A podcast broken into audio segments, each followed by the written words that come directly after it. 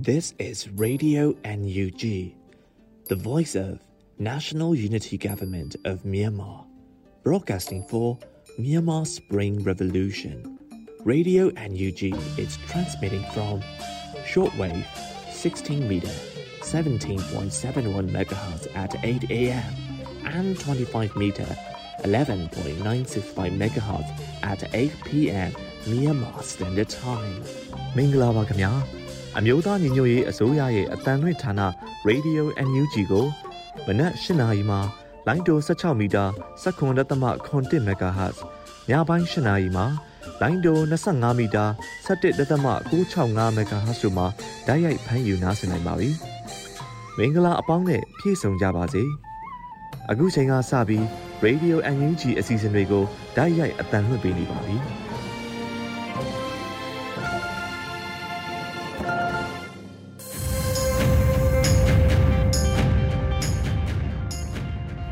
မြန်မာနိုင်ငံသူနိုင်ငံသားအပေါင်းတဘာဝပြီးစစ်အာဏာရှင်ဘေးတို့ကနေကင်းဝေးပြီးကိုစိတ်နှပါစမ်းမလုံခြုံကြပါစေလို့ရေဒီယိုအန်ယူဂျီအဖွဲ့သားများကဆုတောင်းမေတ္တာပို့သလိုက်ရပါတယ်ရှင်။အခုချိန်မှစပြီးကာကွယ်ဝိညာဉ်ဌာနမှထုတ်ဝေသောစစ်ရေးတရေအကျဉ်းချုပ်ကိုတင်ဆက်ပေးသွားမှာဖြစ်ပါတယ်ရှင်။ကာကွယ်ဝင်ကြီးဌာနအမျိုးသားညီညွတ်ရေးဆိုရမှထုတ်ဝေတဲ့နိုင်စဉ်စစ်ရေးတရင်ကျဉ်းချုပ်ကိုတင်ဆက်ပေးတော့မှာဖြစ်ပါတယ်။ ကျွန်တော်ကတော့ຫນွေဦးလင်ပါစစ်ကောင်စီနဲ့တိုက်ပွဲဖြစ်ပွားမှုသတင်းတွေကိုတင်ဆက်ပေးကြပါမယ်ချင်းပြည်မှာဒီဇင်ဘာလ19ရက်နေ့ကမင်းတပ်မြို့နယ်နှစ်နေရာမှာစစ်ကောင်စီတပ်မှစစ်ကြောင်း၃ကြောင်းဖြင့်ချီတက်လာရာ CDF မင်းတပ်နဲ့တိုက်ပွဲပြင်းထန်နေကြောင်းသိရှိရပါတယ်ခင်ဗျာစကိုင်းတိုင်းမှာ ဒီဇင်ဘာလ20ရက်နေ့နေ့လယ်12နာရီခန့်ကရွှေဘိုမြို့မှထွက်လာတဲ့စစ်ကောင်စီကားနှစ်စီးကိုခင်ဦးမြို့နယ်အလဲရှူကျွော်တောင်ဘက်မောဟချောင်းတရာအနီးမှာဒေသကာကွယ်တပ်ဖွဲ့များမှမိုင်းဆွဲတိုက်ခိုက်ခဲ့ရာစစ်ကောင်စီကားတစ်စီးပျက်စီးသွားခဲ့ပြီးစစ်ကောင်စီအများအပြားထိခိုက်ဒဏ်ရာရရှိခဲ့ကြောင်းသိရှိရပါတယ်ခင်ဗျာဒီဇင်ဘာလ20ရက်နေ့မနက်9:20မိနစ်ခန့်ကထီချိုင်းမြို့နယ်ကျက်တရီကျောင်းရွာမှာထီချိုင်းဘက်သို့ထွက်လာတဲ့ စစ်ကောင်စီတပ်ရင်အား30ခန့်ကိုပြည်သူ့ကာကွယ်ရေးပူးပေါင်းတပ်မှမိုင်းဆွဲတိုက်ခိုက်နိုင်ခဲ့ကြောင်းသိရှိရပါတယ်ခင်ဗျာဒီဇင်ဘာလ19ရက်နေ့မနက်7:00နာရီခန့်ကရင်းမာပင်မြို့နယ်ဗန်ပွေးရွာအနီးသို့တက်လာတဲ့စစ်ကောင်စီတပ်များကိုဒေသကာကွယ်တပ်ဖွဲ့များနဲ့ KLG PDF, PDA ရင်းမာပင် MPDF, GTF, MNK The Boys မဟာမိတ်တပ်ဖွဲ့များမှပူးပေါင်းတိုက်ခိုက်ခဲ့ရာညနေ6:00နာရီထိတိုက်ပွဲဖြစ်ပွားခဲ့ကြောင်းသိရှိရပါတယ်ခင်ဗျာ။ ဒီဇင်ဘာလ19ရက်နေ့ည9:55မိနစ်ခန့်ကစကိုင်းမှာရွှေဘိုဘတ်သို့သွားတဲ့စစ်ကောင်စီကားလေးစီးပါထောက်ပို့စစ်ရင်တန်းကိုဝက်လက်မြို့နယ်ရွာသားကြီးအနီးမှာမြင်းပြူရှင်ပျောက်ကြားတပ်ဖွဲ့မှရှေ့ထွက်မိုင်းလေးလုံးဖြစ်တိုက်ခိုက်ခဲ့ရာကားတစ်စီးထိခိုက်ပျက်စီးသွားခဲ့ကြောင်းသိရှိရပါတယ်ခင်ဗျာဒီဇင်ဘာလ19ရက်နေ့ကပလဲမြို့နယ်ရွှေတောင်ကုန်းမှထွက်လာတဲ့စစ်ကောင်စီရင်နှန်းကိုရင်းမာပင်မြို့နယ်နှောကုန်းရွာနဲ့ကောင်းစင်ရွာကြားမှာပလဲပြည်သူကာကွယ်တပ်ဖွဲ့နဲ့ ညောင်ရမပြည်သူ့ကာကွယ်တပ်များပူးပေါင်းပြီးမိုင်းဆွဲတိုက်ခိုက်ခဲ့ရာစစ်ကောင်စီတပ်သားအများအပြားထိခိုက်ကြဆုံးခဲ့ပါတယ်။ဒါအပြင်ခြေလင်ဖြတ်လျှောက်လာတဲ့စစ်ကောင်စီတပ်များကိုလည်းအင်ဂျင်တောင်အနောက်ဘက်လမ်းခွဲမှာထပ်မံမိုင်းဆွဲတိုက်ခိုက်ခဲ့ကြောင်းသိရှိရပါတယ်ခင်ဗျာ။မကွေးတိုင်းမှာ ဒီဇင်ဘာလ19ရက်နေ့မနေ့ပိုင်းကဂန်ကောမြို့နယ်တောင်ခင်ရန်ရဲစခန်းမှာမြင်းသားရွာသို့စစ်ကြောင်းထုတ်လာတဲ့စစ်ကောင်စီစစ်ကြောင်းကိုပြည်သူ့ကာကွယ်ရေးဖွဲ့ဂန်ကောမှမိုင်းခွဲတိုက်ခိုက်ခဲ့ရာစစ်ကောင်စီတပ်သား12ဦးသေဆုံးခဲ့ကြောင်းသိရှိရပါတယ်ခင်ဗျာစစ်ကောင်စီမှကျူးလွန်တဲ့ရာဇမှုတွေကိုတင်ဆက်ပေးကြပါမယ်။ကြားပြည်နယ်မှာ ဒီဇင်ဘာလ20ရက်နေ့ကလွိုင်ကော်မြို့နယ်ကွန်နာကလိုခုကျေးရွာရှိပြည်သူပိုင်နေ20လုံးကျော်ကိုလွိုင်လင်းလေးခြေဆိုင်ခလာရ930တပ်ဖွဲ့ဝင်များကမိရှုဖျက်ဆီးခဲ့ကြောင်းသိရှိရပါတယ်ခင်ဗျာ။စကိုင်းတိုင်းမှာဒီဇင်ဘာလ20ရက်နေ့နေ့လယ်ပိုင်းကရေဦးမြို့နယ်ရင်းမြစ်ကျွော်ပေါ်သို့စစ်ကောင်စီရဟတ်ရင်ဝဲကဘေးပတ်ဝန်းကျင်သို့ဆက်လက်နဲ့အချက်ရည်30ကျော်ပစ်ခတ်ခဲ့ပါတယ်။ ထို့အတူနေ့လယ်2:19မိနစ်ခန့်ကလည်းစစ်ကောင်စီတပ်များကရင်းမြစ်ကျေးရွာတွင်သို့60မမအမြောက်ဖြစ်ပစ်ခတ်ခဲ့ပြီးညနေ9:00ခန့်မှာနေအိမ်တချို့ကိုမိရှို့ဖျက်ဆီးခဲ့ကြောင်းသိရှိရပါတယ်ခင်ဗျာ။မကွေးတိုင်းမှာဒီဇင်ဘာလ19ရက်နေ့ကဂန်ကောမြို့နယ်မြင်းသားရွာရှိပြည်သူနေအိမ်တလုံးကိုစစ်ကောင်စီများကမိရှို့ဖျက်ဆီးခဲ့ကြောင်းသိရှိရပါတယ်ခင်ဗျာ။ မန္တလေးတိုင်းမှာဒီဇင်ဘာလ20ရက်နေ့နေ့လယ်ပိုင်းကမဟာအောင်မြေမြို့နယ်84လက်နဲ့43လမ်းနီးမှာ WeChat application ဖြင့်ကြောက်စင်းရောင်းဝယ်ပြုလုပ်နေသူ200နီးပါးကိုစစ်ကောင်စီမှဖမ်းဆီးသွားခဲ့ပြီးမန္တလေးအိုးဘိုအချင်းတောင်သို့ပို့ဆောင်ထားပြီးတဦးလင်ငွေ10သိန်းပြည့်ရွေးယူရမယ်လို့သတင်းထွက်ပေါ်နေကြောင်းသိရှိရပါတယ်ခင်ဗျာ။ရန်ကုန်တိုင်းမှာဒီဇင်ဘာလ19ရက်နေ့ညနေပိုင်းကရန်ကုန်ရှေ့ပိုင်းတက္ကသိုလ်ကျောင်းသားများတမကဥက္ကဋ္ဌမတ်စုရင်လင်းနဲ့အလွတ်တန်းတပ်ပုံတရင်ထောက်ကိုစောလင်းထွတ်တို့ တပိတ်ဆန္ဒပြပွဲသို့တရင်ရန်အသွားလန်ခီမှာအဖမ်းခံလိုက်ရကြောင်းသိရှိရပါတယ်ခင်ဗျာအထွေထွေတရင်အနေနဲ့ကရင်ပြည်နယ် 4K ကော်နာရှိတိုက်ပွဲများကြောင့်တင်းရှောင်နေရသူ9000ကျော်ခန့်ရှိလာပြီးအနှွေးတေစားတောက်ကုန်နဲ့စေဝါများလိုအပ်လျက်ရှိကြောင်းသိရှိရပါတယ်ခင်ဗျာ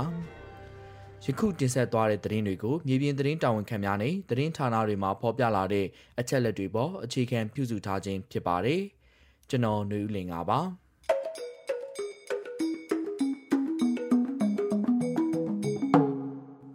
အန်ယူတီမှာဆက်လက်အတန်းလွှင့်နေပါတယ်။အခုဆက်လက်ပြီးပြည်တွင်းသတင်းများကိုຫນွေဦးမှမှတင်ဆက်ပေးမှာဖြစ်ပါတယ်ရှင်။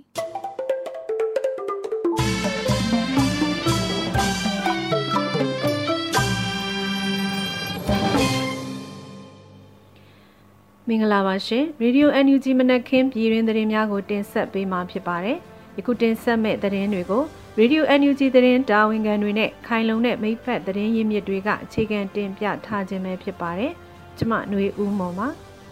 ။သောတာရှင်များရှင်တိုက်ပွဲပြင်းထန်နေတဲ့မြရီမြို့နယ်၄ကီကိုဒေတာစီရေးနဲ့ပတ်သက်ပြီးဒီဇင်ဘာလ20ရက်နေ့ရက်စွဲနဲ့ကော့တူးလေဘဟုဌာနချုပ် KNU ဘဟုအမျိုးသားအစည်းအရုံးမှရေးပေါ်ကြေညာချက်တစ်စောင်ကိုထုတ်ပြန်ခဲ့ပါတယ်။အကြမ်းမဖက်စစ်အာဏာရှင်ဆန့်ကျင်သူများအား လူသားချင်းစာနာထောက်ထားစိတ်ဖြင့်ခိုလုံခွင့်ပေးခဲ့ကြောင်း KNU ကဖော်ပြထားပါတယ်။ KNU ဟာစစ်ကောင်စီရဲ့အဓမ္မကျူးကျော်မှုအားခုခံကာကွယ်ရမှတိုက်ပွဲဖြစ်ခဲ့ရကြောင်းအပါအဝင်စစ်ပေးရှောင်ပြည်သူများအားနေဆက်ဖြတ်ကျော်ခိုလုံခွင့်ပေးခဲ့သည့်ထိုင်းနိုင်ငံအာဏာပိုင်များကိုလည်းကျေးဇူးတင်ကြောင်းထည့်သွင်းရေးသားခဲ့ပါတယ်။ဒါအပြင်စစ်ကောင်စီဘက်မှတာလွန်အင်အားသုံးပြီးလေကြောင်းတိုက်ခိုက်မှုများမကျူးလွန်စေရန်ကုလသမဂ္ဂမှဦးစီးပြီး စစ်ဖြစ်ပွားရာဒေသကိုလေကြောင်းပြန်တမ်းမှုကင်းမဲ့ဆုံးသတ်မှတ်ပေးဖို့တောင်းဆိုဖော်ပြခဲ့ပါတယ်။အဲ့ဒီထုတ်ပြန်ချက်အပြည့်အစုံမှာဒူပလာယာခရိုင်အတွင်းရှိ၄ကီကောမြို့သစ်တွင်စစ်ကောင်စီရဲ့လူအခွင့်အရေးချိုးဖောက်မှုများနှင့်နိုင်ငံရေးယုံကြည်ချက်များကြောင့်ဖမ်းဆီးနှိပ်စက်တပ်ဖြတ်မှုခံရခြင်းကင်းလို့ရေးအတွက်တိမ်းရှောင်လာသူများဖြစ်သောနိုင်ငံရေးသမားများအကြမ်းမဖက်လှုပ်ရှားသူများတက်ကြွလှုပ်ရှားသူများခိတ္တခိုလုံနေကြသည်ကိုမိမိတို့ KNU မှ လူသားချင်းစာနာထောက်ထားမှုအခြေခံဖြင့်ကာကွယ်စောင့်ရှောက်ပေးခဲ့ကြောင်းဒီဇင်ဘာ15ရက်တွင်ဖြစ်ပေါ်သောတိုက်ပွဲများသည်အဆိုပါခိတ္တခဏတိမ်းရှောင်နေသူများအားအတင်းအဓမ္မဖမ်းဆီးခြင်းနေအိမ်များအားရိုက်ချိုးဖျက်ဆီးခြင်းမိမိတို့တပ်ဖွဲ့ဝင်များအားစီးရေးအရအင်အားသုံးဖိအားပေးခြင်းအကြမ်းဖက်တိုက်ခိုက်လာခြင်းကြောင့် KNU အနေဖြင့်မိမိကိုမိမိခုခံကာကွယ်ရသည့်အခြေခံမှဖြစ်ပေါ်လာခြင်းဖြစ်ကြောင်း တိုက်ပွဲများမှဘေးလွတ်ကင်းရာဖြစ်သော ထိုင်းနိုင်ငံဘက်ချမ်းသို့ထွက်ပြေးသူပြည်သူ3000ကျော်အားလူသားချင်းစာနာသောအားဖြင့်ခိတ္တလက်ခံနေရာချထားပေးသည့်ထိုင်းနိုင်ငံအစိုးရနှင့်ပြည်သူအားကျေးဇူးအထူးတင်ရှိကြောင်းဒီဇင်ဘာ16ရက်တွင်လည်းတိုက်ပွဲကြောင့်ထပ်မံထွက်ပြေးသူ2000ကျော်အားနေဆက်ဖြတ်ခွင့်ပေးသည့်အတွက်ထိုင်းနိုင်ငံအားကျေးဇူးတင်သည့်ဤသူတင့်တော်သည့်နေရာထိုင်ခင်းချထားပေးမှုရရှိရေးအတွက်လည်းမျှော်လင့်ပါကြောင်းပြည်တွင်းပြည်ပရှိကရင်အမျိုးသားများ တိုင်းရင်းသားပြည်သူလူထုများပြည်တွင်းနဲ့နိုင်ငံတကာအဖွဲ့အစည်းများမှလက်ရှိဖြစ်ပေါ်လာနေသောတိုက်ပွဲများအခြေအနေကြောင့်ဘေးလွတ်ရာထွက်ပြေးနေရသောပြည်သူများအတွက်လိုအပ်သည့်အစားအသောက်ဆေးဝါးနဲ့ယာယီခိုလုံရေးလိုအပ်ချက်များကိုပံ့ပိုးကူညီမှုများအတွက်အထူးကျေးဇူးတင်ရှိပြီးဤကဲ့သို့သောကူညီမှုများကိုဆက်လက်ပါဝင်ပြီးပူးပေါင်းမှုများတိုးမြှင့်သွားကြရန်တိုက်တွန်းလိုပါကြောင်းထို့အပြင်ယခုလက်တလောဖြစ်ပွားနေသောတိုက်ပွဲများအတွက် KNU အနေဖြင့် သက်ဆိုင်သူများအားအောက်ပါအတိုင်းတောင်းဆိုအပ်ပါသည်ကာကြီးအိန္ဒိချင်းထိုင်းနိုင်ငံအနေဖြင့်တိုက်ပွဲမှထွက်ပြေးနေသူများအားနိုင်ငံတကာအဖွဲ့အစည်းများ၏ဝင်ရောက်တွေ့ဆုံခွင့်နှင့်လိုအပ်သည့်အကူအညီများပေးအပ်နိုင်ရေးအတွက်ကူညီပံ့ပိုးမှုများစီစဉ်ပေးရန်ခါခွေစစ်ကောင်စီသည်စိုးဝါသောလူတက်မှုနှင့်လူအခွင့်အရေးချိုးဖောက်မှုများဖြစ်ပေါ်စေမည့်လေကြောင်းတိုက်ခိုက်မှုများအားလေးကေကောဒေတာတွင်အချိန်မရွေးပြုလုပ်လာနိုင်သည့်အတွက် ကမ္ဘာကုလသမဂ္ဂမှဦးစီးလျက်အရေးပေါ်အစည်းအဝေးများကျင်းပပြီးလေကြောင်းပြန်တမ်းမှုကင်းမဲ့ဆုံးအဖြစ်သတ်မှတ်ပေးရန်ကငယ်စစ်ကောင်စီအနေဖြင့်ကြာဆင်းနေသည့်ဂုံတိတ်ခါကိုပြန်လည်ထိန်းသိမ်းသည့်အနေဖြင့်၎င်းတို့တပ်ဖွဲ့ဝင်များအားတိုက်ပွဲဖြစ်ပွားရာအဆိုပါဒေသများမှပြန်လည်ရုပ်သိမ်းသွားရန်ကာကြီးစစ်ကောင်စီအတွင်းရှိတပ်ဗိုလ်တပ်မှုများကလည်းကြာဆုံးသည့်နိုင်ငံအဖြစ်သို့ရောက်ရှိနေသောမိမိတို့နိုင်ငံအားပြန်လည်ကယ်ဆယ်သည့်အနေဖြင့် ပြည်သူဘက်တွင် ပူးပေါင်းပါဝင်သွားရန်စစစ်ကောင်စီ၏စစ်တပ်ကအနာဂတ်နိုင်ငံရေးတွင် ပါဝင်ဆွတ်ဖက်မှုများမှစုခွာကြောင်းအသတိပေးလှုပ်ဆောင်ခြင်းဖက်ဒရယ်ပြည်ထောင်စုကိုတီထောင်ခြင်းသည်သာလျှင်နှစ်ပေါင်း80ကျော်ကြာမြင့်ခဲ့ပြီးပုံမပြင်းထန်လာနေသည့်ပြည်တွင်းစစ်ခြုံငင်းရေး၏အပြေသာဖြစ်ကြောင်း KNU ကရဲ့အမျိုးသားအစည်းအရုံးမှထုတ်ပြန်တောင်းဆိုပါသည်ဟုဒီဇင်ဘာလ20ရက်နေ့ရက်စွဲနဲ့ထုတ်ပြန်ကြေညာခဲ့ပါတယ်ရှင်။ နောက်ထပ်တင်ဆက်ပေးမယ့်သတင်းကတော့ကံကုန်းမြို့နယ်နှမ်းကားရွာနဲ့မြင်းသားရွာမှာရှိတဲ့နေအိမ်ချို့ကိုစစ်ကောင်စီတပ်ကထပ်မံမီးရှို့ခဲ့တဲ့ဆိုတဲ့သတင်းဖြစ်ပါတယ်။ဒီဇင်ဘာလ20ရက်နေ့9နာရီခန့်ကစစ်ကောင်စီတပ်ဟာကံကုန်းမြို့နယ်နှမ်းကားရွာမှာရှိတဲ့နေအိမ်ချို့ကိုမီးရှို့ဖျက်ဆီးခဲ့ပြီးနေ့လယ်ပိုင်းမှာတော့မြင်းသားရွာမှာရှိတဲ့နေအိမ်ချို့ကိုထပ်မံမီးရှို့ဖျက်ဆီးခဲ့ကြောင်းဒေသခံတွေကပြောပါတယ်။အိမ်ဘယ်နှလုံးရှို့ခံရလဲတော့မသိသေးဘူး။ မနက်ကနှမ်းကားမှာတော့မိခိုးတန်းကြီးနှစ်တန်းတက်လာတဲ့ပြီးတော့မြင်းသားမှာတော့ကျွန်တော်တို့အခုကြည့်နေတာဘီးတောင်ကြီးတက်လာတယ်လို့ဒေတာကန်တဦးကပြောပါတယ်စစ်ကောင်စီတပ်ဟာဒီဇင်ဘာ18ရက်နေ့ကလည်းနန်းကားရွာကိုတိုက်ခိုက်ရေးရဟတ်ရင်တစီအပါဝင်ရဟတ်ရင်3စီးနဲ့ပြစ်ခတ်တိုက်ခိုက်ခဲ့ပြီးစစ်တပ်အင်အား60ခန်းနဲ့ရွာကိုဝင်စီးခဲ့ပါတယ်ဒီဇင်ဘာလ20ရက်နေ့မှာဆိုပါစစ်တပ်အင်အားကမီးရှို့ဖျက်ဆီးမှုများကိုဆက်လက်ပြုလုပ်ခဲ့ခြင်းဖြစ်ကြောင်းဒေသခံကဆိုပါတယ်။ လက်ရှိမှာရွာသားများအားလုံးဘေးလွရာကိုထွက်ပြေးနေကြကြောင်းပြောပါတယ်။စစ်ကောင်စီတပ်တွေဟာဂံကောနယ်မြစ်သားမြစ်ဝင်းကျင်မှာရှိတဲ့နှမ်းကမြင်းသားပါဝင်ခြေရွာတွေကိုအကြိမ်ကြိမ်စီးနှင်းမီးရှို့ဖျက်ဆီးခဲ့ရမှာနေအိမ်ရာကျုံဆုံးရှုံးထားကြောင်းလည်းသိရပါတယ်ရှင်။ဆက်လက်ပြီးမုံကိုမှာမြို့သမီးတဦးလက်နက်ထိမှန်ပြီးတရားရတဲ့သတင်းကိုတင်ဆက်ပေးပါမယ်။ရှမ်းပြည်နယ်မြောက်ပိုင်းမူဆယ်ခရိုင်မုံကိုမြို့နယ်ခွဲမှာရှိတဲ့ဖော်မော်ရွာတစ်ကအမျိုးသမီးတဦးဟာ ဒီဇင်ဘာလ18ရက်နေ့မွန်းလွဲတနာရီဝန်းကျင်ကလက်နက်ကြီး TV ဒဏ်ရာရရှိသွားကြောင်းဒေသခံတွေစီကနေသိရပါဗျ။မုံကိုရာသစ်ကဒေါ်နန်တွဲဆိုတဲ့ကလေးတယောက်အမေမျိုးသမီးတဦးကိုဒီဇင်ဘာလ18ရက်နေ့မွန်းလွဲတနာရီခန့်ကလက်နက်ကြီးထိမှန်ခဲ့ကြောင်းသူတို့အဲ့ဒီဖော်မော်ရွာသစ်ကနေရှောင်ခိုင်းလို့ပစ္စည်းမေ့ကျင်ခဲ့ပြီးတော့ပြန်လှည့်လာခြင်းပြစ်တာထိသွားတာလို့အဲ့ဒီမျိုးသမီးရဲ့မိသားစုအတိုင်းဝိုင်းကပြောပါတယ်။တနေကုန်တော့တိုက်ပွဲဖြစ်တာမရှိပေမဲ့ထိခိုက်ဒဏ်ရာရရှိသွားခဲ့ကြောင်းပြောပါတယ်။ ဟုတ်တယ်တယောက်ထီတဲ့မုံကိုအနီးဝန်းကျင်မန်ဂျီဖော်မော်ဘက်ကပြောင်းရွှေ့လာတဲ့ရွာသစ်မှာနေတဲ့အမျိုးသမီးတယောက်ကိုလက်နက်ကြီးထိသွားတာဘိုက်မှထိတာလို့နောက်ထပ်ဒေတာကန်တဦးကပြောပါတယ်မုံကိုဒေတာမှာတော့ယမန်နေ့ညမှောင်ရီပြိုးစအချိန်ကစတိုက်ပွဲဖြစ်ပွားနေခဲ့ပြီးဒီမနက်လဲတနက်ပစ်တန်းတွေကြားရတယ်လို့မုံကိုဒေတာကန်တဦးကပြောပါတယ်တဒုံဒုံတတိုင်းတိုင်းမဲ့လက်နက်အကြီးအသေးရုတ်တရက်ပြင်းပြင်းထန်ထန်ပြက်လိုက်တန်းကြားတယ် ည8နာရီခွဲဝန်းကျင်ကပြန်ပြင်းထန်လာတာည10နာရီခွဲဝန်းကျင်ထိလဲတစ်ချက်တစ်ချက်ကြားနေရတယ်ဒီမနက်ပိုင်း9နာရီလောက်ကစပြစ်နေပြီလို့သူကပြောပါတယ်မုံကိုမြို့နယ်မှာပြီးခဲ့တဲ့လပိုင်းအတွင်းစစ်ကောင်စီနဲ့ကိုးကန် MNDAA တို့ကြားတိုက်ပွဲကြောင့်လက်နက်ကြီးကြီးထိမှန်သေးဆုံးသူ၄ဦးမိုင်းနစ်မိသေဆုံးသူ2ဦးပြောင်းမှုချံမှာပြစ်ခတ်ခံရသူအမျိုးသား2ဦးလက်နက်ကြီးစထိမှန်ဒဏ်ရာရသူ2နှစ်ဝန်းကျင်ကလေးငယ်အပါအဝင်9ဦးနဲ့အထက်ရှိနေပြီပဲဖြစ်ပါတယ်ရှင်။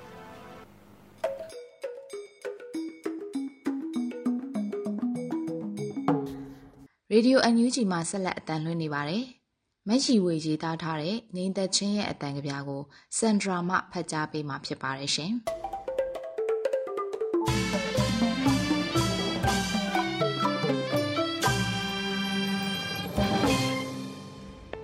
ငိမ့်သက်ချင်းရဲ့အတန်ကြပြားကိုဖတ်ပြပါမယ်ရှင်။ငိမ့်သက်ချင်းရဲ့အတန်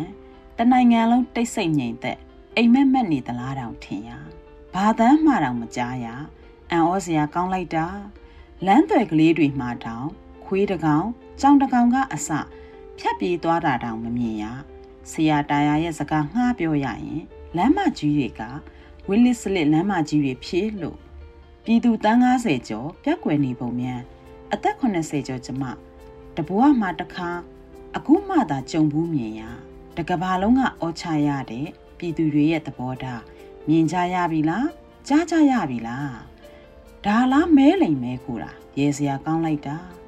ဟောညနေ၄နာရီကဘာမြေမဟင်းတုံရီခမန်းတန်း90ကျော်ရဲ့လက်ခုပ်တန်အောင်မွဲခံတဲ့လက်ခုပ်တန်ကဘာနိုင်ငံဒီထိပဲ့တင်တန်တင်တို့ဘလောက်ညံများများဒါဟာပြည်သူတွေရဲ့အတန်တိတ်ပင်မဲ့အောင်လံမလိတ်တဲ့စကားမတ်ရီဝေရဲ့ကြပြဖြစ်ပါရဲ့ရှင်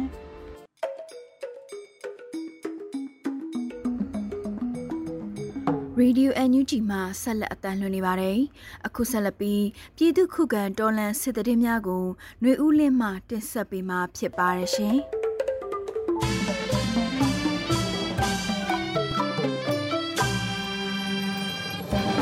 ပထမဆုံးအနေနဲ့နေကြလာတဲ့စစ်ကောင်စီတပ်များကိုပြစ်ခတ်ရန်တပ်မဟာခုနှစ်ခုလုံးကို KNU ဗဟိုကပြစ်မိန်ပေးထားတယ်ဆိုတဲ့သတင်းကိုတင်ဆက်မှာပါ။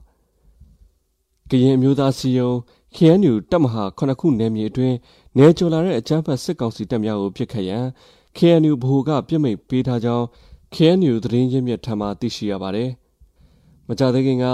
KNU နဲ့ KNL ထိပ်ပိုင်းခေါင်းဆောင်များအစည်းအဝေးတစ်ခုပြုလုပ်ခဲ့ပြီးရင်းစည်းဝေးတွင် လာမယ့်ကွန်ဂရက်နိုင်ဆွေးနွေးမိအကြောင်းအရာနဲ့တိုက်ရေးမတိုက်ရေးကိစ္စကိုဆွေးနွေးခဲ့ကြောင်းအစည်းအဝေးတက်ရောက်ခဲ့တဲ့ KNL အရာရှိတဦးကိုကိုးကားပြီး ဒေသသတင်းရင်းမြစ် Seven Press ကသတင်းရေးသားဖော်ပြထားပါတယ်။ဒီဇင်ဘာလ15ရက်နေ့ကစတင်ဖြစ်ပွားခဲ့သည့်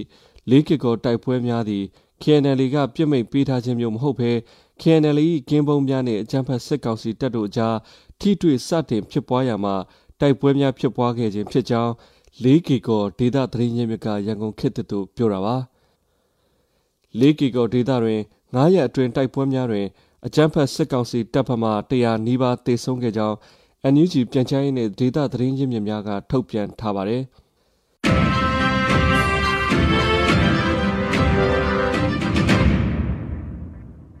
ဆက်လက်ပြီးမြောက်ရမလက်နက်ကြီးထုတ်လုပ်ရေးအဖွဲ့နဲ့ပူးပေါင်းမဟာမိတ်အဖွဲ့ကစစ်ကောင်စီရင်တန်းကိုမိုင်းဆွဲတိုက်ခတ်ခဲ့တဲ့တဲ့ရင်ကိုတင်ဆက်မှာပါ။ဒီဇင်ဘာလ19ရက်နေ့ညပိုင်း6နာရီခန့်ကစကိုင်းတိုင်းဒေသကြီးရင်းမာပင်မြို့နယ် တဲပင်ကန်ရွာရဲ့အနောက်ဘက်မှာ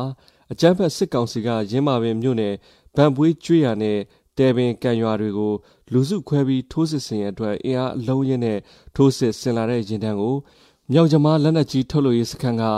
မိုင်းဆွဲတိုက်ခတ်ခဲ့ရမှာစစ်ကောင်စီတပ်ဖွဲ့များထိခိုက်ဒေဆုံးမှုတွေရှိခဲ့တယ်လို့မြောက်ကျမား PDF ကထုတ်ပြန်ထားပါတယ်ဒီဇင်ဘာလလဆန်းကနေစတင်ကယနေ့အထိစကိုင်းတိုင်းဒေသကြီးရင်းမာပင်ခရိုင်ရင်းမာပင်မြို့နယ် ပလဲမြို့နယ်စလင်းကြီးမြို့နယ်ကဏီမြို့နယ်တွေထဲမှာဝင်မှွေနေတဲ့စစ်ကောင်စီတပ်တွေနဲ့ခရိုင်ပူးပေါင်း PDF တပ်ဖွဲ့တွေကြားနေ့စဉ်ရက်ဆက်အပြင်းထန်တိုက်ပွဲတွေဖြစ်ပွားနေတာလည်းဖြစ်ပါတယ်။ချင်းတွင်မြေအနောက်ဘက်ဒေသမှာရှိကြတဲ့ PDF တွေရဲ့လက်ချက်ကြောင့်အကြမ်းဖက်စစ်ကောင်စီတပ်ဖွဲ့ဝင်တွေရဲ့တိုက်ဆုံမှုဟာနေ့စဉ်ဥယေ30ထက်မနည်းရှိနေတာပါ။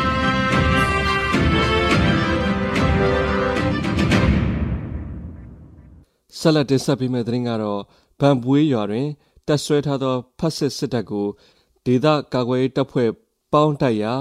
စစ်ကောင်စီတပ်သား73ဦးသေဆုံးတဲ့သတင်းမှာချင်းတွင်းမြဝန်းဒေသကဏီနယ်ဗန်ပွေးရွာတွင်တက်ဆွဲထားသောဖက်စစ်စစ်တပ်ကိုဒီဇင်ဘာ19ရက်နေ့ညနေပိုင်းမှာဒေသခံကာကွယ်တပ်များကပူးပေါင်း၍တွားရောက်တိုက်ခိုက်ခဲ့တယ်လို့ပူးပေါင်းအဖွဲ့မှပါဝင်သူ DRPA ကသတင်းထုတ်ပြန်ထားပါတယ်။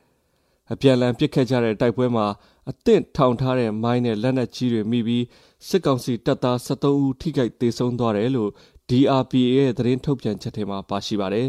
။ DRPA ရဲ့ရဲဘော်တယောက်ထိပေမဲ့မစိုးရိမ်ရကြောင်း DRPA ပြန်ကြားရေးတာဝန်ရှိသူတို့ကချင်းတွင်း review ကိုဖြေကြားထားပါတယ်။စစ်ကောင်စီနဲ့နှီးစပ်တဲ့အတိုင်းဝိုင်းဒေတာအဖွဲ့တွေဟာလက်လုံစိန်ပြောင်းနေနဲ့ပြစ်ပြီးထွက်ပြေးသွားတာမို့လို့ တိုက်ပွဲမဖြစ်ခဲ့ဘူးလို့ညင်းဆိုထားပါတယ်။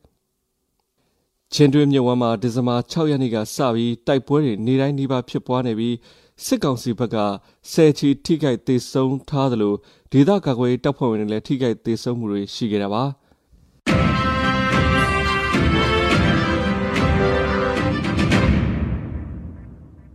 နောက်ဆုံးအနေနဲ့အမျိုးသားညီညွတ်ရေးအစိုးရပြည်ထောင်စုနဲ့လူမှုကြီးကြပ်ရေးဝန်ကြီးဌာနက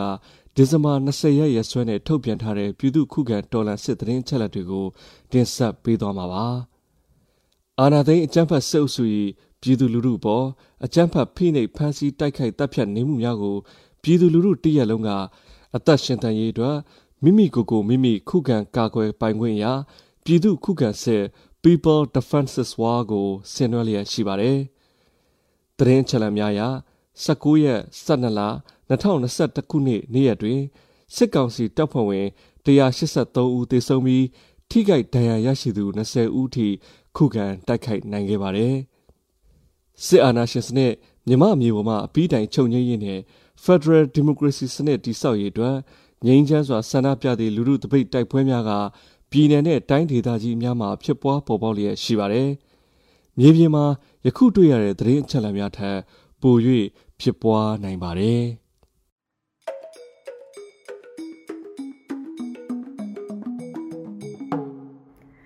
Radio NUG မှာဆက်လက်အသံလွှင့်နေပါတယ်။အခုဆက်လက်ပြီးနေ့စဉ်သတင်းများကိုရွှေရီမှတင်ဆက်ပေးမှာဖြစ်ပါတယ်ရှင်။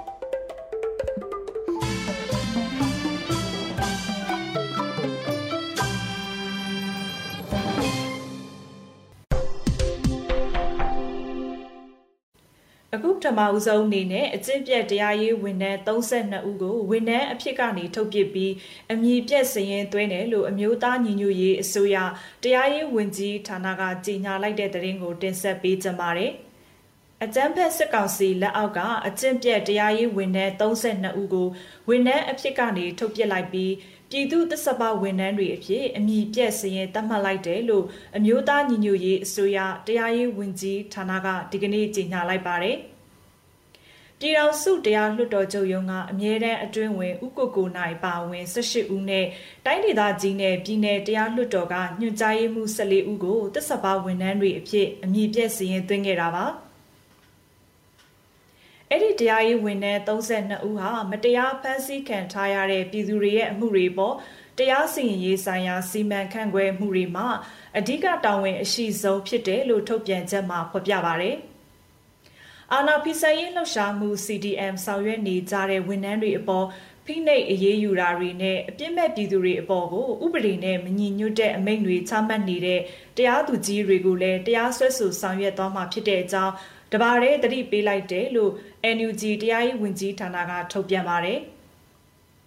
အကြမ်းဖက်အာဏာသိမ်းစစ်ကောင်စီလက်အောက်ဆက်လက်တောင်းဝင်ထမ်းဆောင်နေတာဟာတရားသူကြီးတွေထားရှိရမယ့်ကျင့်ဝတ်သိက္ခာတွေကိုဖောက်ဖျက်ကျူးလွန်တဲ့အကျင့်ပြတ်တရားသူကြီးတွေအဖြစ်တမိုင်းမှတ်တမ်းတင်ကြံ့ရစ်နေမယ်လို့ NAM CDN တရားရေးဝန်ထမ်းတွေကိုတတိပေးထားပါတယ်။ဒါအပြင်တရားသူကြီးတွေအနေနဲ့ပြည်သူ့ဘက်ကရက်တီပြီးအာဏာဖီဆန်ရေးလှုပ်ရှားမှု CDM ကိုအချိန်မီလှုပ်ဆောင်နိုင်ဖို့တရားရေးဝန်ကြီးဌာနကလက်ရှိအချိန်ထိဆက်လက်ဖိတ်ခေါ်ထားတယ်လို့အသိပေးထားပါတယ်။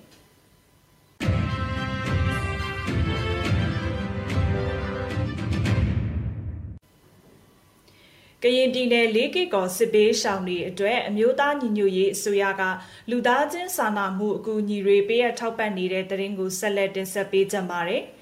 အကြမ်းဖက်စစ်တပ်ကြောင့်တိုက်ပွဲတွေဆက်လက်ဖြစ်ပွားနေတဲ့လေးကစ်ကော်ဒေတာကစစ်ပေးရှောင်ပြည်သူတွေအတွက်အရေးပေါ်လိုအပ်ချက်တွေအလင့်အမြန်ရောက်ရှိဖို့အတွက်အမျိုးသားညီညွတ်ရေးအစိုးရလူသားချင်းစာနာထောက်ထားရေးနဲ့ဘေးအန္တရာယ်ဆိုင်ရာစီမံခန့်ခွဲရေးဝန်ကြီးဌာနကကြိုးပမ်းနေတယ်လို့သိရပါဗျ။ ကနအူးထောက်ပံ့မှုတွေအနေနဲ့ခောက်ဆွဲကြောင်ငါတစ်တာကွေကာအုပ်စန်စီစာငချောက်စောင်းအနှွေးတယ်နဲ့တခြားအရေးပေါ်အသုံးဆောင်တွေကိုဝင်ကြီးဌာနကမြေပြင်အဖွဲ့တွေလူသားချင်းစာနာကူညီရေးနဲ့ဘေးအန္တရာယ်တုံ့ပြန်ရေးပူးပေါင်းကော်မတီဝင်တိုင်းရင်းသားအဖွဲ့အစည်းတွေနဲ့လက်တွဲပြီးစစ်ဘေးရှောင်ပြည်သူတွေထံကိုတိုက်ရိုက်ရောက်ရှိစေဖို့ပို့ဆောင်နေပြီဖြစ်တယ်လို့ထုတ်ပြန်ထားပါတယ်။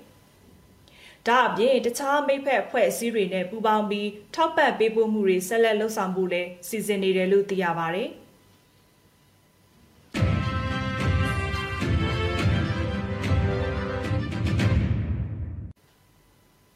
ပြည်သူ့ရင်ခွင်အဖွဲ့ကအကြမ်းဖက်စစ်ကောင်စီတပ်သားတွေကိုအာဏာရှင်တွေအတွက်အသက်ပေးမလားလက်နက်ချပြီးလူလိုသူလိုဆက်ဆံတာခံမလားလို့မေးခွန်းထုတ်လိုက်တဲ့သတင်းကိုဆက်လက်တင်ဆက်ပေးကြပါမယ်။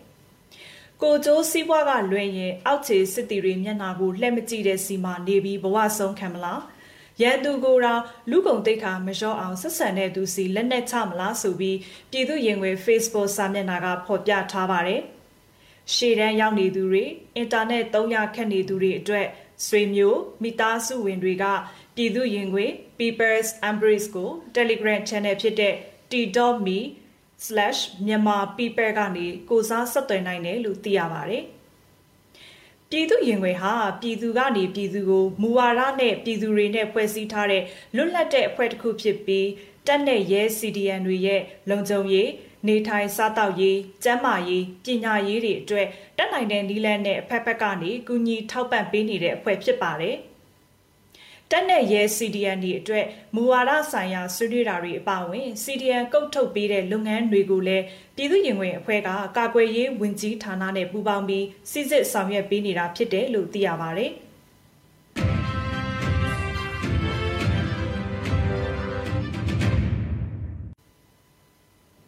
ကံကောမှာစစ်တပ်ကရဟတ်ရင်တွေအပါဝင်လက်နက်မျိုးစုံနဲ့ပြည်သူကိုအစုလိုက်ပြုံလိုက်တပ်ဖြတ်ခဲ့တဲ့တရင်ကိုဆက်လက်တင်ဆက်ပေးကြပါမယ်။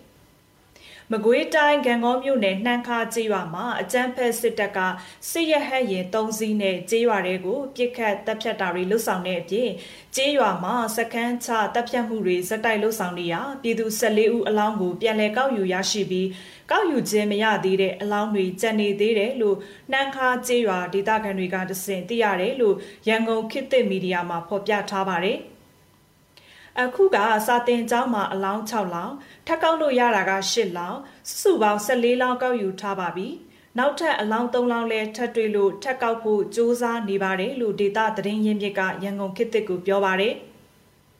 စစ်ကောင်စီတပ်ကပြစ်ခတ်မှုကြောင့်တေဆုံးသူတွေထဲမှာရဲလလန်ခွဲနဲ့နှမ်းခါချောင်းတရားမှာနာရီကာဒစီ RPG လက်နက်ကြီးနဲ့အထုခံရပြီးတရားနောက်ဘက်ကိုထိုးကျသွားပြီးကားပေါ်ပါလာသူအများအပြားတေဆုံးသွားတယ်လို့သိရပါတယ်။ဒါနဲ့အတူစိုက်ကယ်စီးနေသူတွေကိုရဟတ်ရင်နဲ့ပြစ်ခတ်ခဲ့ပြီး၄ဦးသေဆုံးကအလောင်းမကောက်နိုင်သေးတဲ့အကြောင်း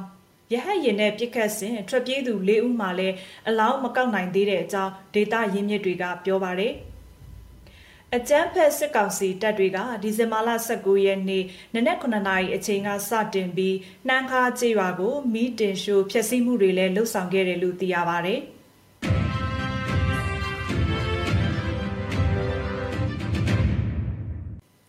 အခုနောက်ဆုံးတင်ဆက်ပေးမှာကတော့မြန်မာနိုင်ငံတဝန်းကလူမျိုးပေါင်းစုံဘာသာပေါင်းစုံပါဝင်တဲ့ဆရာနာရှင်အမြင့်ပြတ်ချေမုံရေးလူလူဆန္ဒပြပွဲသတင်းတွေကိုစုစည်းတင်ဆက်ပေးမှာဖြစ်ပါတယ်။စကိုင်းတိုင်းရင်းမပင်အရှိချံဘိန်းနယ်တောင်ရွာကတော်လှန်ပြည်သူတွေဟာသွေးမအေးတဲ့ရွှေနွယ်အေးဆိုတဲ့စာတန်းကိုကန်ဆောင်ပြီးဆရာနာရှင်အမြင့်ပြတ်ချေမုံရေးချီတက်ဆန္ဒပြခဲ့ကြပါတယ်။ စကိုင်းတိုင်းရွှေဘူမြို့နယ်ကျေးရွာတရွာကတော်လှန်ပြည်သူတွေဟာဖမ်းဆီးထားတဲ့ကောင်းဆောင်တွေချက်ချင်းပြန်လွှတ်ပေးဖို့နဲ့မတရားမှုမှန်သမျှကိုစန့်ကျင်တော်လှန်မှုကြွေးကြော်ပြီးကျေးရွာတွင်လှည့်လည်ဆန္ဒပြခဲ့ကြပါတယ်။စကိုင်းတိုင်းရင်းမာပင်အရှိချမ်းနဲ့စလင်းကြီးမြောက်ချမ်းရွာပေါင်းစုံတပိတ်285ရဲမြောက်နေ့အဖြစ်တော်လှန်ပြည်သူတွေဟာဆရာနာရှင်ကြာရှုံးရေးကျေးရွာတွင်လှည့်လည်ဆန္ဒပြခဲ့ကြပါတယ်။ ရန်ကုန်မြို့ကဆရာနာရှင်စန့်ကျင်ရေးလူထုလှုပ်ရှားမှုကော်မတီကတော်လှန်လူငယ်တွေစုပေါင်းပြီးအကျဉ်းထောင်တွေထဲမှာတပိတ်တိုက်ပွဲဆင်နွှဲနေကြတဲ့တော်လှန်ရေးရဲဘော်တွေနဲ့အတူသွေးစည်းညီညွတ်စွာရပ်တည်ဖို့အရေးလူထုကိုတော်လှန်ရေးစာရွက်တွေလိုက်လံဝေငှပြီးလှုပ်ရှားမှုပြုလုပ်ခဲ့ကြပါတယ်။